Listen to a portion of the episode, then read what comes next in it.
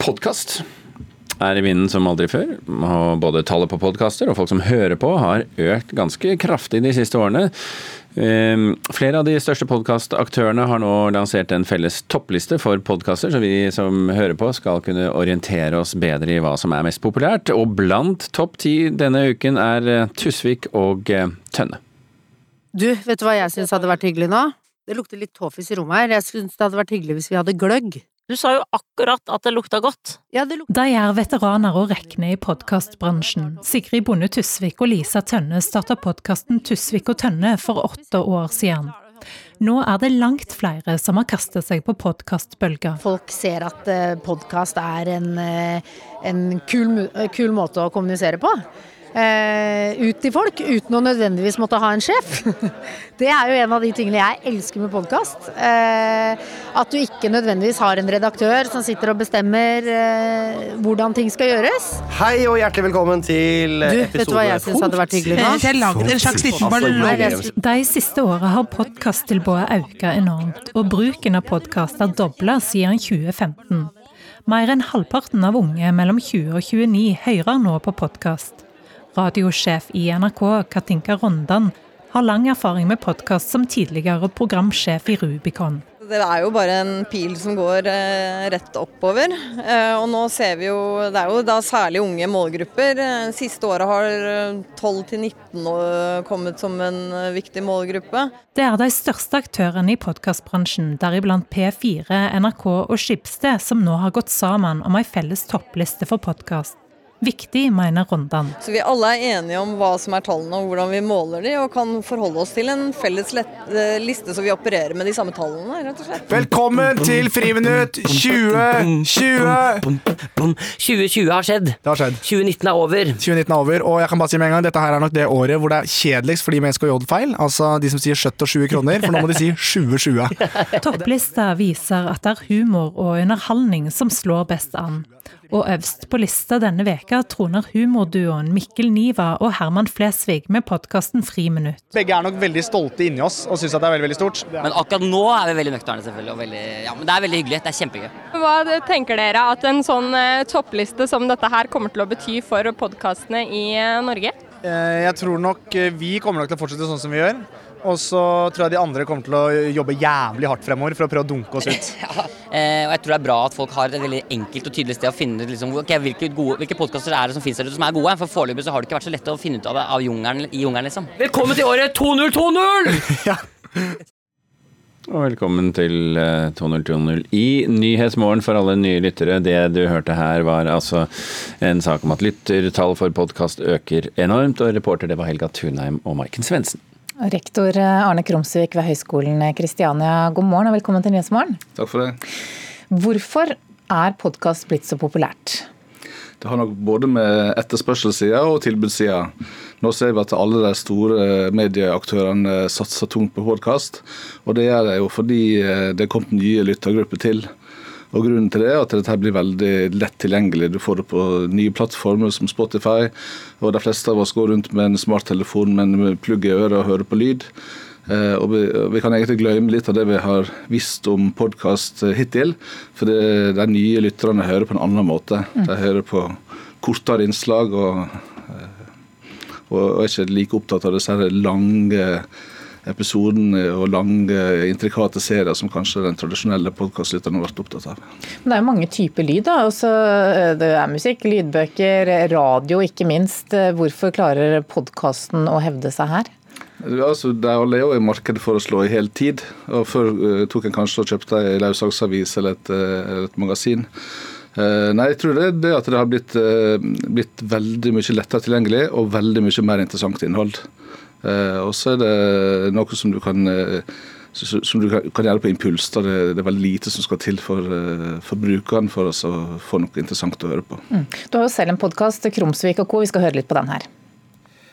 Alle kan være kreative. Ja, noen har et spesielt godt anlegg for det, som noen har absolutt gøy gehør. Men veldig mye av dette handler om, om trening, erfaring og ikke minst kunnskap. Og det prøver vi etter beste evne å ta på alvor i boken. Bl.a. ved å gå gjennom en del teoriperspektiver, bruke mye tid på forskning på reklame. Det sa Magne Johannessen og Kim Bjørnquist. De underviser begge to ved Westerdals institutt. Dette er altså fra, podkasten Krumsvik eh, og co. Arne Krumsvik, er det mye penger å tjene på dette her? Det begynner å bli mer penger å tjene på dette. I Norge så var det vel sånn anslått til å være rundt 20-25 millioner i omsetning i, i, fjor. Og at dette her ser vi på hvordan det ser i USA, så er det forventet at dette skal vokse raskt. Og Det er jo derfor vi ser disse her store medieaktørene som nå bruker penger på å lage en sånn toppliste. Det er klart sånn, For meg som eh, rektor så er det ingen penger å tjene på det. Men alternativet mitt når jeg skal snakke med flinke fagfolk, er jo å lage et frokostmøte på Høgskolen Kristiania eller lage et ettermiddagsarrangement på Litteraturhuset. Og Jeg vil jo aldri nå så mange som jeg når på podkast, hvis jeg gjør det. Så selv om det ikke er noen sånn cashflow for meg, så er det stor oppmerksomhetsverdi da. Og Det gjør jo at vi sannsynligvis vil se at det vil eksplodere i, i tilbud på podkast. Og så blir det sånn som i andre mediekanaler, at det er noen få store som stikker av med alle kronene. Mm. Men er det et problem på et eller annet plan at alle skal lage podkast nå? Nei, det er ikke noe problem. Det er jo akkurat det samme som vi har sett tidligere, at alle skulle på YouTube og alle skulle på internett og alle skulle ditt og datt. Og så er det sånn at de som da enten har en, en, en, en ren sånn kommersiell utbytte av det, eller mer en sånn strategisk utbytte av det, vil, vil, vil holde ut. Eh, så jeg tror nok at vi vil se mange podkaster med få episoder. Og så vil vi, vil vi nok dra nytte av at nå blir det veldig mye interessant prat. Eh, som vi ikke har hatt så tilgjengelig tidligere. Mm, det blir veldig mye prat òg, kanskje? Jo, men det er noe med at du bestemmer sjøl. Det er det som er så genialt med podkast, at du kan skru på og skru av. Og dette programmet som vi sitter nå er også veldig fint med at du kan lytte på det ikke akkurat når det går, men når det passer deg sjøl. Så det er veldig mange morgener at jeg velger å høre på dere fem minutter eh, legg. Og det er supert, for det er jo podkastteknologien vi bruker når vi gjør det. Vi hører at det er en humorduo som ligger på topplisten, eh, denne topplisten som ble lansert i går. Går det an å si noe generelt om hva som slår an når det gjelder podkast? Nei, det vi ser er jo at det er jo, det er jo kjendiser, det er humor. Det er litt av det samme som du ser i andre kanaler som YouTube osv. Eh, det samme mekanismene som skal til. Det er jo sirkus som, eh, som drar de store massene. da. Mm. Rektor Arne Krumsvik ved Høgskolen Kristiania, takk for at du kom hit til Nyhetsmorgen. Og så har vi jo nevnt det før i morges, men vi kan jo si det igjen. Eh, du kan, også høre... Nei, kan også høre Nyhetsmorgen på podkast, selvfølgelig.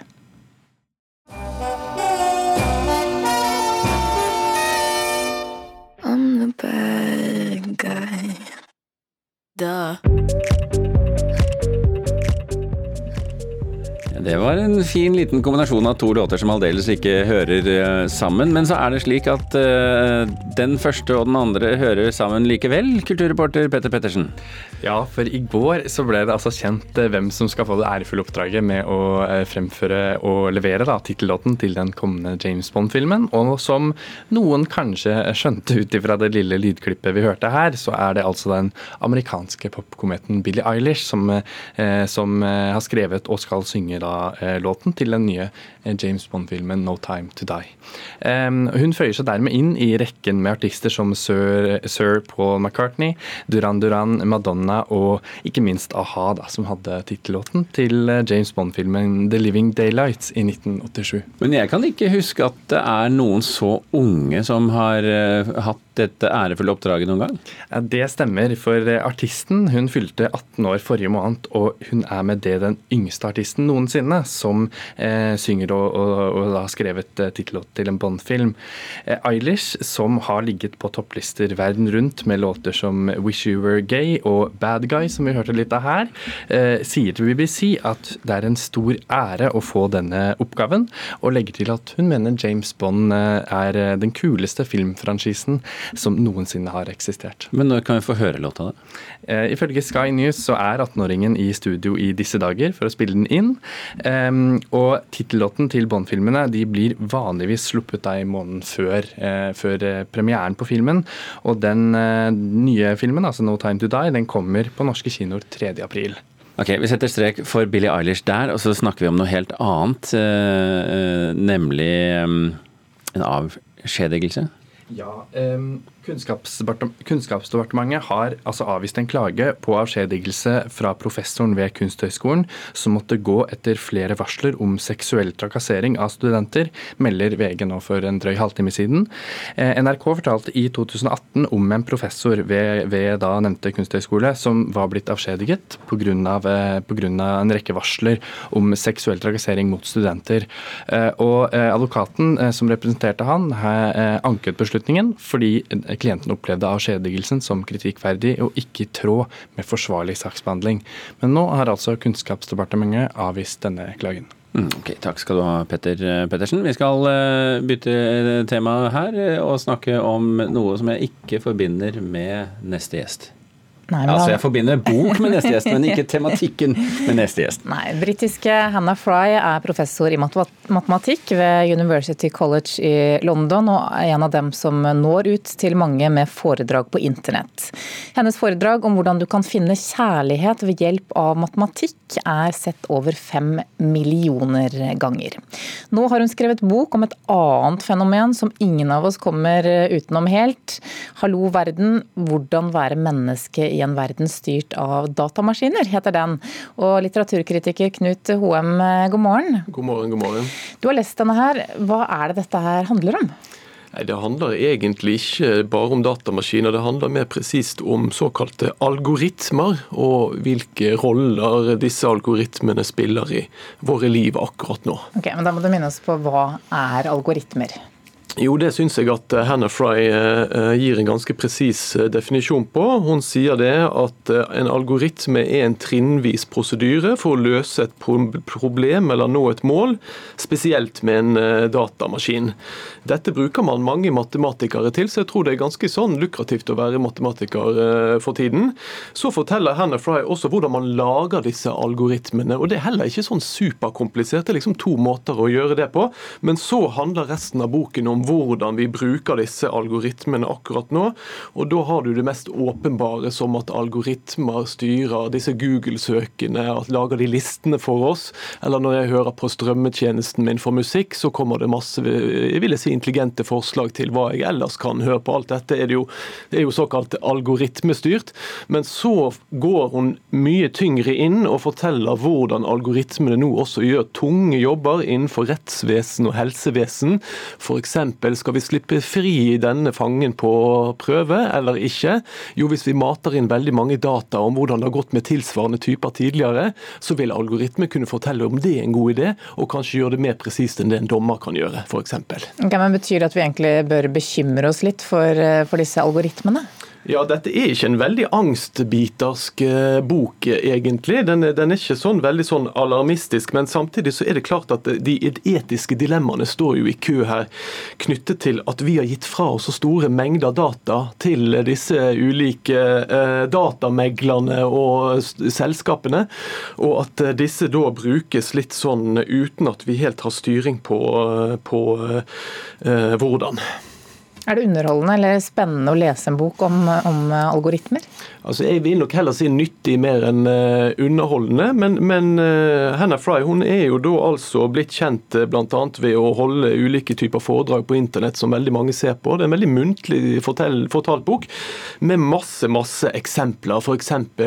sjakkmester Gary Kasparov mot big data-maskinen i 1997. Big data vinner til slutt. Altså Det er også algoritmer inni der. Denne boken har gitt, gjort meg i stand til å føre dannet samtale om emnet noe jeg jo nå gjør etter beste evne her i, i, studio. For det er jo som eh, Birger Kolsrud Jåsund nevnte her, jeg er jo ikke akkurat så veldig digital eh, i utgangspunktet. Men jeg kunne også snakke med min 16 år gamle sønn over oppvaskmaskinen i går om, om dette på en måte som jeg ikke har gjort uh, tidligere. Men hva er det viktigste Hannah Fry har å si oss da, om algoritmer? Det viktigste er at vi må finne grensesnittet eller maktbalansen mellom menneske og maskin. Eh, de Bilene kan ikke styre seg helt sjøl. Vi er nødt til å være i stand til å vite hvordan vi styrer hvis bilen ikke fikser det. Det samme gjelder flyene. Eh, eh, vi er nødt til å sette grenser for hva maskinen vet om oss. Vi må erkjenne at de, denne digitale infrastrukturen nå, som Hannah Fry skriver, det er litt som på 50-tallet, da vi bygget broer over motorveier, vi bygget eh, jernbanelinjer. Det er en form for infrastruktur, og vi er nødt til å eh, ta stilling til hvordan denne infrastrukturen skal styre livene våre. Takk skal du ha, litteraturkritiker her i NRK, Knut eh, Hoem. Og boken heter altså 'Hallo verden'. Hvordan være menneske i en verden styrt av eh, datamaskiner.